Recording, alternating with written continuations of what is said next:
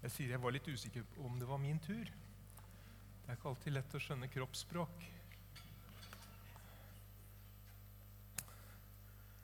Ja, er det fint å være her? Det er ikke hver, dag, hver søndag vi har sånne flotte dansere som dere, da. Så det er fantastisk. For å si som Egil Svartdal Når jeg vokste opp, så var det synd å danse. Og nå er det bare synd jeg ikke kan danse. Er det ikke sant?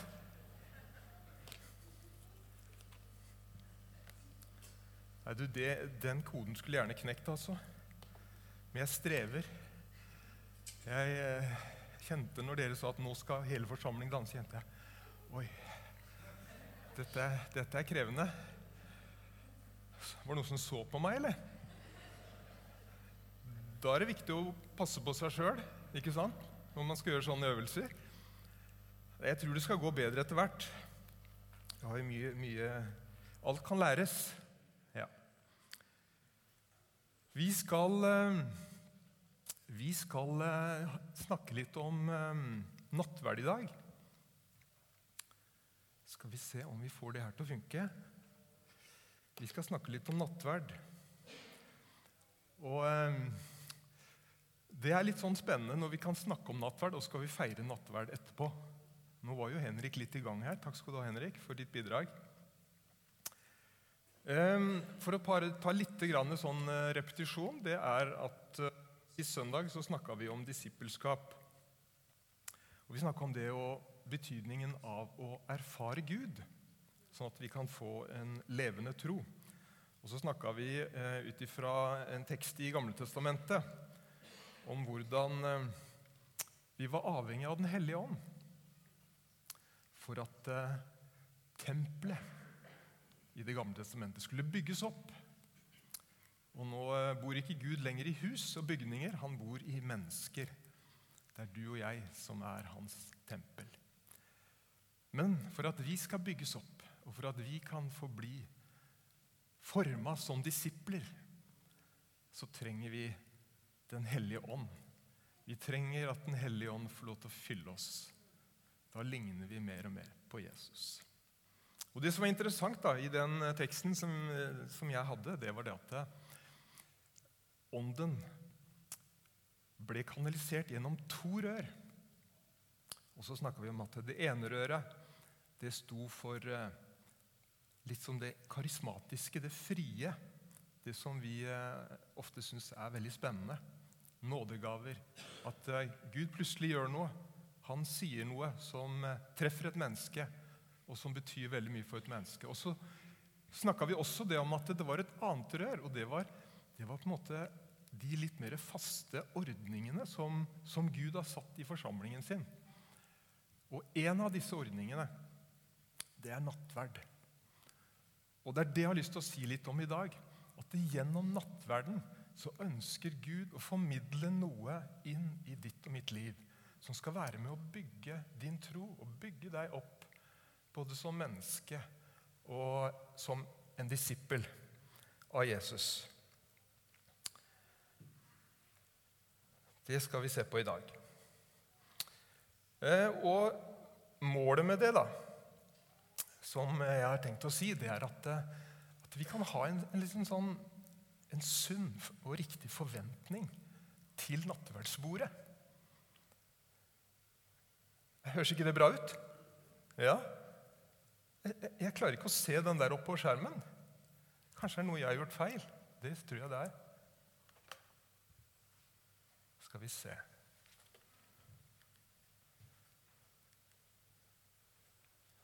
Nei da, men det er greit. Blås i det.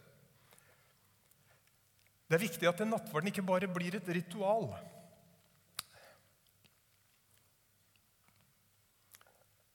Fordi det å ta del i nattverden, det å dra på gudstjeneste Det er ikke som å dra på fisketur. Og Når du har vært på fisketur, så får du ofte spørsmålet fikk du noe.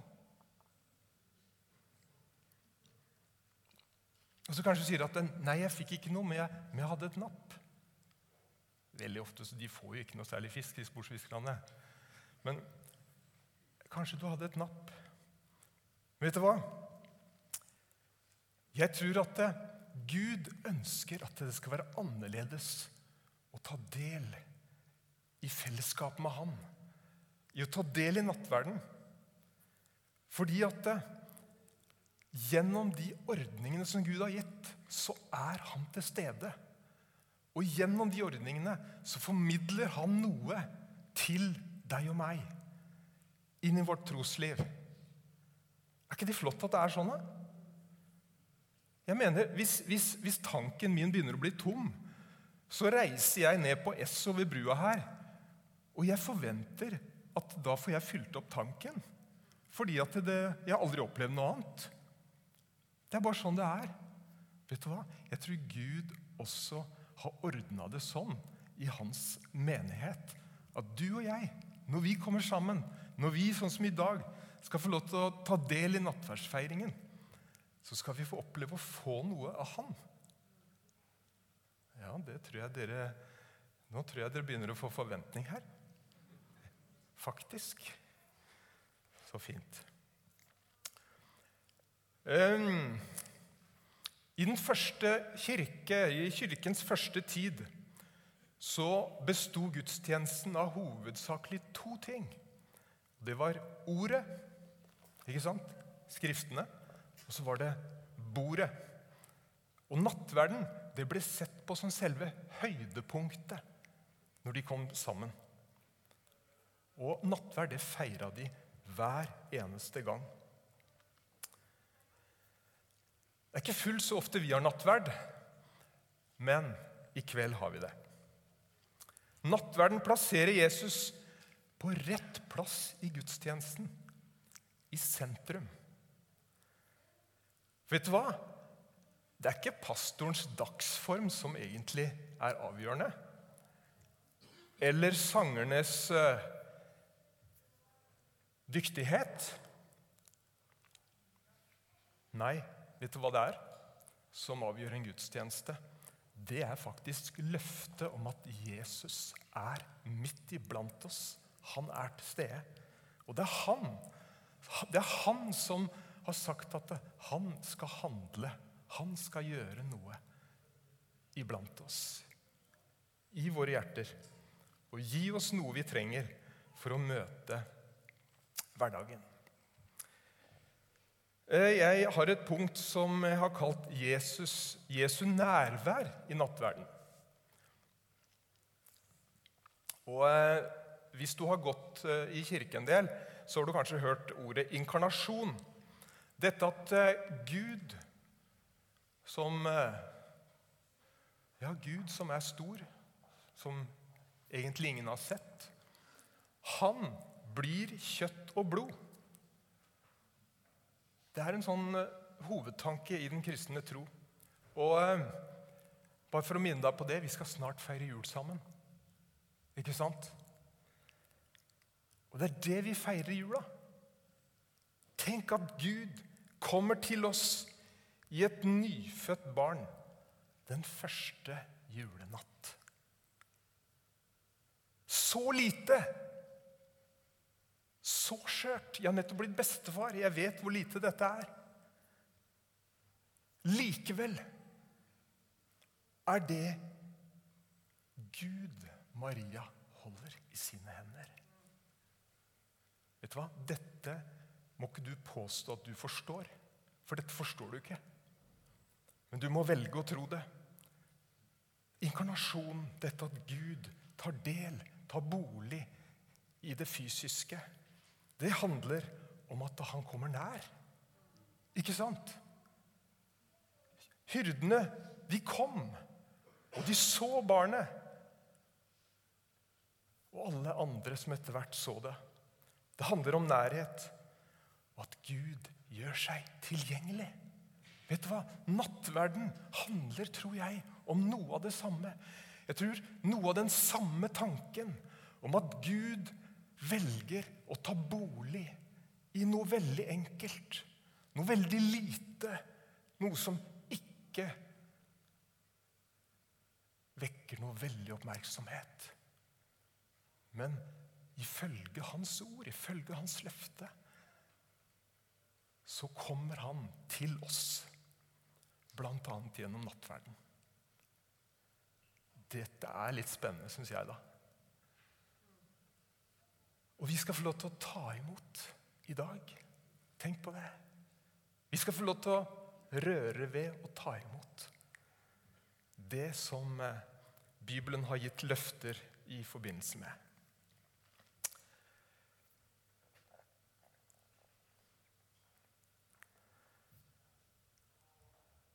Dette er min kropp. Dette er mitt blod, sier Jesus til sine disipler den natten som han innstifter nattverdsmåltidet.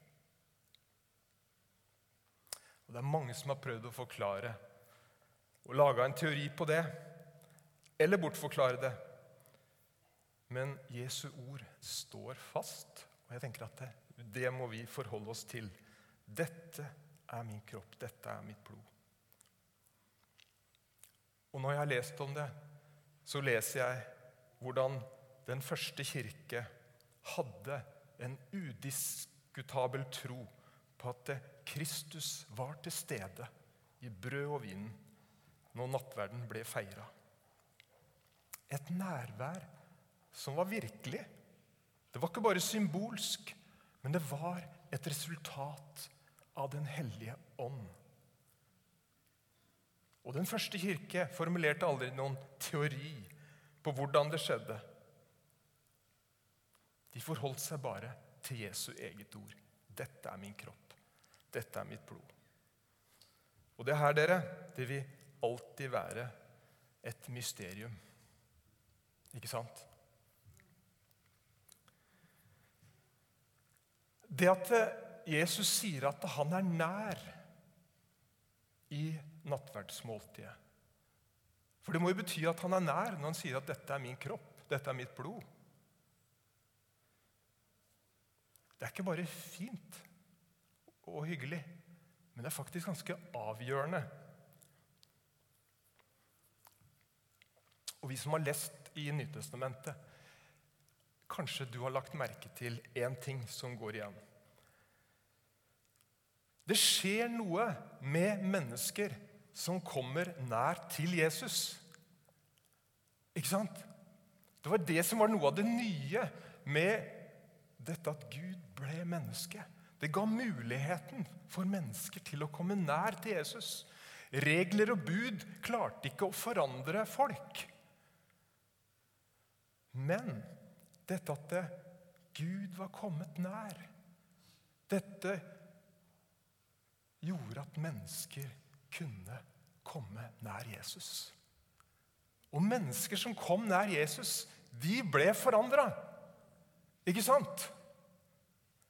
Og Etter hvert så var det flere og flere som skjønte det. Og Vi kan lese flere plasser at det, det, var, det, var, det var, var, vanskelig å komme nær til Jesus. For det ble liksom sånn trengsel. Folk ville fram og røre ved ham. Noen ble helbreda. Andre opplevde å bli reist opp ifra uverdighet, ifra en fortid som de skamma seg over. Det skjedde noe med mennesker som kom nært til Jesus. Vet du hva? Det er også noe av bakgrunnen for den hva skal vi si, visjonen som vi her i menigheten har. Vi ønsker å være med og føre mennesker ett skritt nærmere Jesus. For da skjer det noe med mennesker.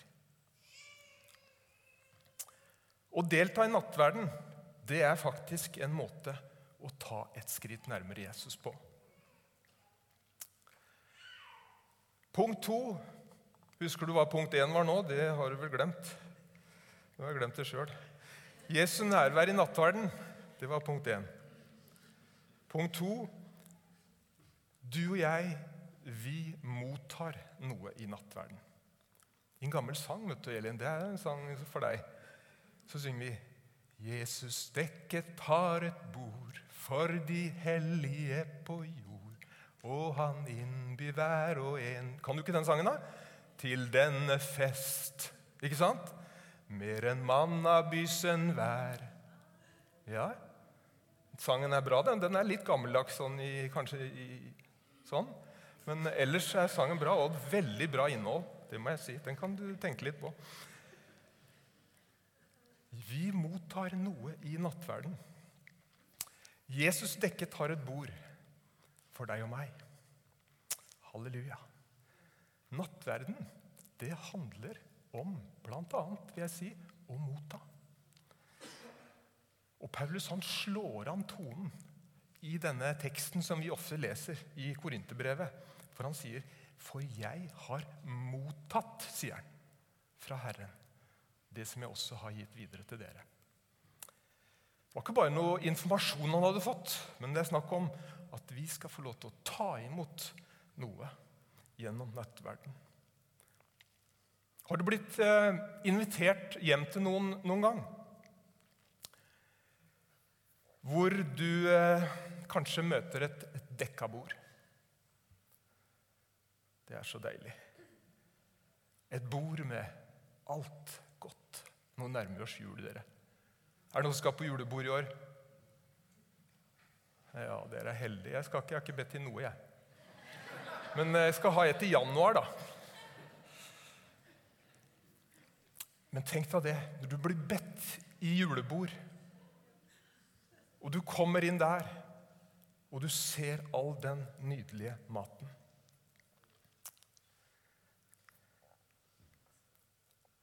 Og du tar det som en selvfølge at her skal det spises.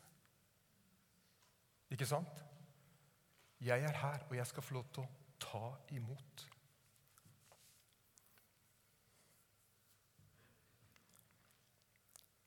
Har du noen gang liksom opplevd at du går hjem, og du har ikke fått noen ting? Nei, det er ikke sånn. Når vi blir bedt i selskap, så er det naturlig, det er en naturlig forventning at vi også skal få være med å spise det som finnes på dette bordet. Vi skal få lov til å ta imot. Tror du det er annerledes når Jesus inviterer oss til sitt bord? Nei, det ligger på en måte i sakens natur. Og Det står også i den bibelteksten som jeg egentlig skulle lest, som jeg glemte å lese. Får skylde på den skjermen. Det står at for hver gang dere spiser, ja, og drikker av begeret Jeg tror at Gud har tenkt at du og jeg, vi skal få ta imot noe i nattverdsfeiringen. Kan, jeg, jeg, kan høre, og jeg har hørt, folk si Ja, jeg fikk noe den søndagen. Det er ikke hver, dag, er ikke hver søndag du får noe. vet du. Men så sier de at jeg, ja, jeg fikk noe den søndagen. Fordi det, det kom en ned til meg, og så profeterte han over livet mitt. Og vet du hva? Det stemte. Og det har jeg opplevd. Og det kan få utrolig betydning. Og mer av det, altså. For all del. Men vi hører aldri noen si at ja, jeg fikk noe i den gudstjenesten sist søndag fordi jeg var framme og tok imot brød og vin. Det har jeg aldri hørt. Men det kunne du sagt. Hvis du kom hjem etter den gudstjenesten her, og noen spør deg fikk du noe, fikk du noe? Da kan du si ja, jeg tok imot brød og vin fra Herrens spor. Sånn tror jeg det er.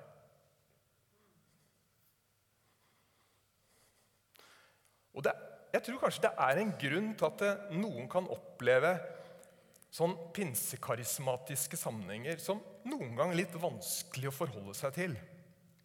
Kanskje litt sånn ensidig i å vektlegge eh, nådegavene, det spontane, det karismatiske der og da.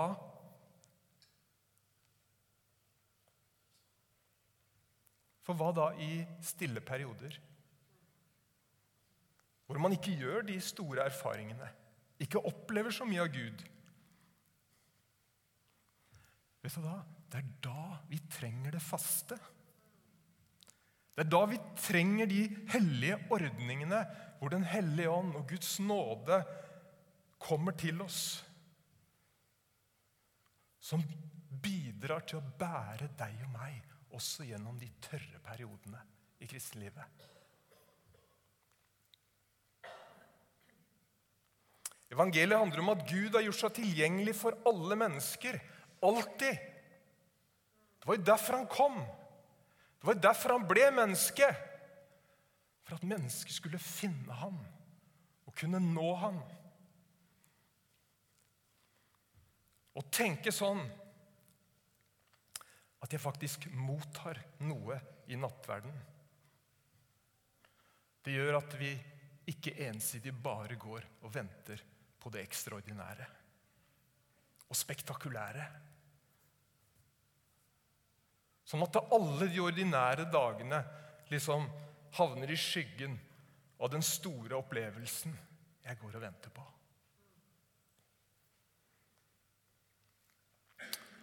Siste punktet.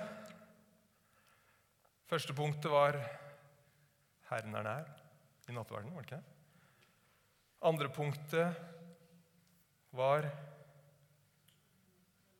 Jeg bare tester dere, jeg. Ja, riktig, Henrik. Du er ung og frisk i hodet. Jeg mottar noe i nattverden. Det siste punktet nattverden som forkynnelse.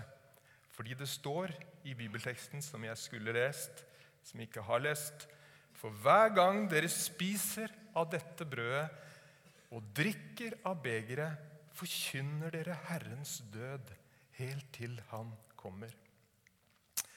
En mann som heter Spurgeon, han blir kalt for predikantenes fyrste. Han holdt fryktelig masse prekener, og han var utrolig flott å høre på, har jeg bare blitt fortalt. Han sier idet han går mot slutten av sitt liv, så sier han fire ord som er veldig fine og viktige. Han sier at all min teologi er redusert til fire ord. Jesus døde for meg. Det er det viktigste. Det er det også dette handler om. Det er det viktigste i den kristne tro. Jesus døde for meg. Og derfor kan vi leve. Hvorfor er død, Jesu død så viktig? Fordi Jesu død, det åpna veien inn i hans nærhet. Og Jesu død åpna også himmelen over deg, sånn at eh, du kan få oppleve lyset fra himmelen, velsignelsen, vet du, over livet ditt. Vet du hva? Det er ingen selvfølge at du kan sitte ved Herrens bord i dag.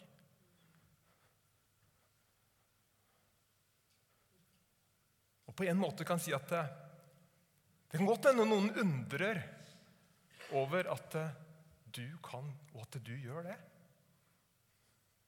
Det syns det var rart det er sånn nå, tror jeg.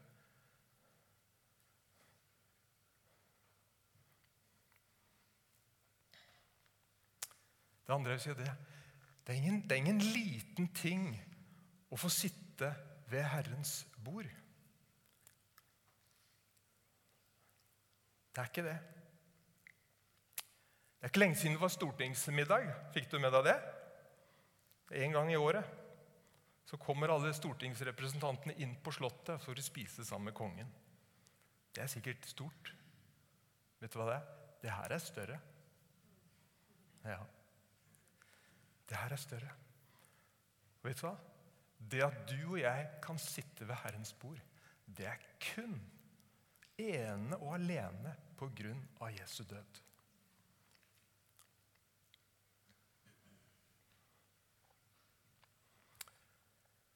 Og ehm, Jeg tenkte å lese en historie nå, men jeg tror jeg bare refererer den sånn fort. Det er fra ehm, Eh, Jesu oppstandelse, Markus 16, og den ble så utrolig god for meg i, siste uka nå. Og eh, Det har skjedd, det som har skjedd med Jesus, og eh, folk er sikkert både skuffa og vonbrotne for det som skjer. Og så står det at kapittel 16 i Markus så står det at eh, disse kvinnene var på vei til, eh, til graven den første dag i uken. Og så står det at De sa til hverandre, 'Hvem skal vi få til å rulle bort steinen fra inngangen til graven?' Men da de så opp, fikk de se at steinen var rullet fra. Den var meget stor. Så jeg må lese den første setningen. Tidlig om morgenen den første, dag, den første dagen i uken kom de til graven da solen gikk opp. Um, og Det er litt interessant at Markus, da, som er veldig, sånn, han er veldig sånn effektiv, han tar kun med det som er viktig å ha med i brevet sitt. Derfor er det det korteste evangeliet. Uh, og så tar han med det her at uh, de gikk til graven tidlig denne morgenen da solen gikk opp. tenker jeg, Hvorfor tok du med det der da solen gikk opp? Det er jo helt unødvendig å ha med i evangeliet ditt. Og du som er så nøye på å ikke ha med mer nødvendig. Så tenker jeg, Hvorfor gjorde han det? Var det bare for å fortelle oss at eh, det var bra vær? Nei, jeg tror ikke det var det. Vet du hva? Jeg tror det handler om at dette var en ny dag i disiplenes liv. Og det var ikke bare en ny dag, men det var en annerledes dag. Jeg håper jeg klarer å forklare dette for deg. For jeg ble så velsigna av det. Det var ikke bare en ny dag, det var en annerledes dag. Vet du hva? De første kristne de kalte oppstandelsesdagen ikke for den første dag i uken eller den syvende dag i uken, men for den åttende dag i uken. Det var noe helt nytt. Vet du hva? På grunn av Jesu død og oppstandelse så begynner en helt ny tilværelse for deg og meg for disse folka. Og dette med sola, hva var det? Jo, det handler om at du og jeg har fått plass ved Jesu bord. Sola er et bilde på Han som vi snakker om i velsignelsen. Herrens ansikt lyse over deg og være deg nådig. Ikke sant? Det er den sola han vil ha fram. Det er en ny sol hvor vi kan få lov til å oppleve disse strålende fra himmelen og treffe livet vårt. Vet du hva? Du er ikke lenger bare prisgitt det du klarer å få til sjøl i livet ditt. Det kan hende du har prøvd nok av. Men vet du hva? Det er noe helt nytt. Det at du og jeg kan sette oss til hans bord, så kan vi ha del i noe mye mer enn det du klarer å få til. Vi har fått del i ham.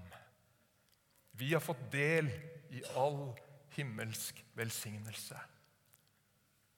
Og Jeg tror også det kan gjøre noe med våre bekymringer. De bekymra seg, disse damene. Og hvem skal vi få til å rulle bort steinen? Den var meget stor. Vet du hva?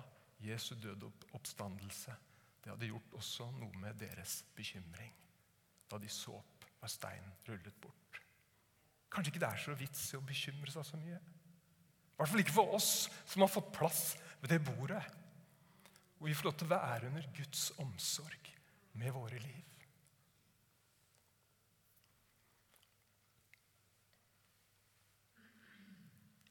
Ja. Forkynne Herrens død helt til Han kommer. Og Det er det vi skal få lov til å være med på i dag også. Og ved å være med å spise av brødet og drikke av begeret, så, så sier vi noe til oss sjøl også. Det er ikke bare en ny dag, men det er en ny type dag, for å si det sånn, på grunn av Jesu død. Vi kan si det til hverandre, og vi kan forkynne det for makter og myndigheter. Bare for å avslutte med den nydelige setningen som David bruker i Salme 23. Jeg tror David hadde sett mye av evangeliet allerede den gangen han levde. Så sier han det på den måten at du dekker bord for meg, like for mine fienders øyne. Ja. Kjære forsamling. velkommen til Herrens bord.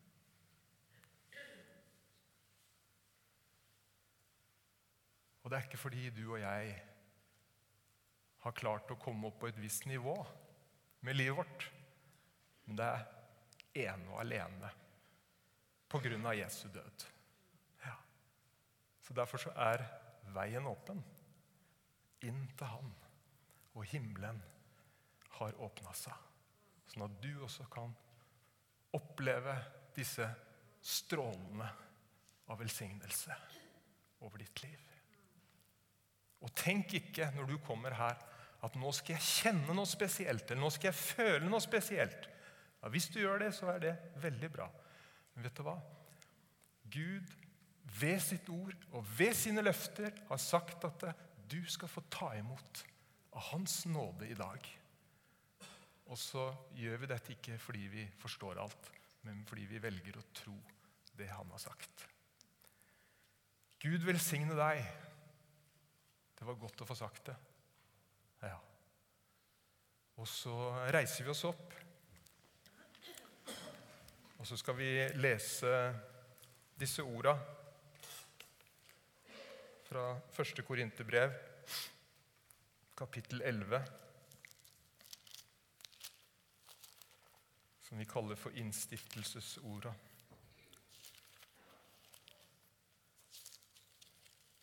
Og så kan godt dere komme fram, som skal være med å dele ut.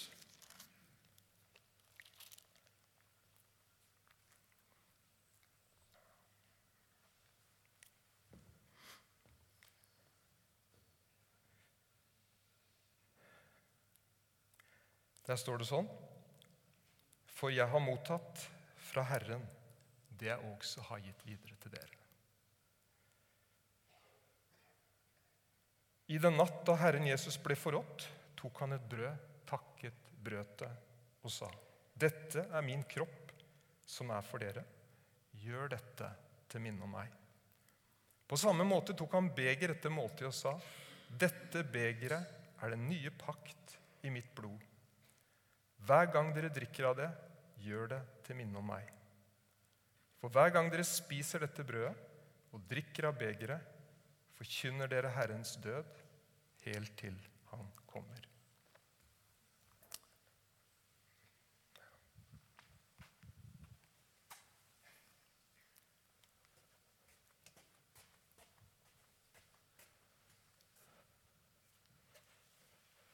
Da ber vi en bønn sammen.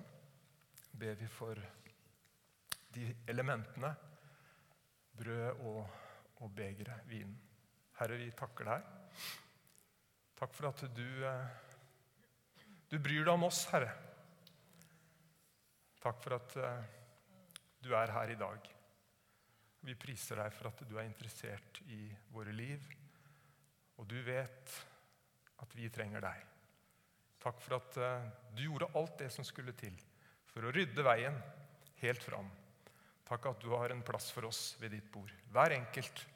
Du har reservert en plass for oss.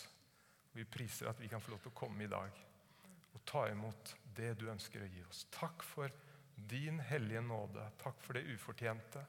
Takk for din hellige ånd. Takk for at du skal styrke den enkelte i sin tro og i sine liv.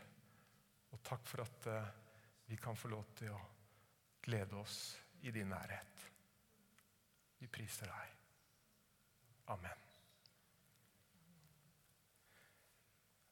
Nå eh, deler vi den her på midten, og så har vi to stasjoner. Så går vi til hver vår side. Og så eh, Hvis noen ønsker eh, forbønn, blir lagt hendene på eventuelt og bedt for, så har vi en bønnestasjon der nede. Der vil det stå noen. Det er helt uh, ufarlig. Uh, veldig fint, så benytt deg gjerne av det. Ja.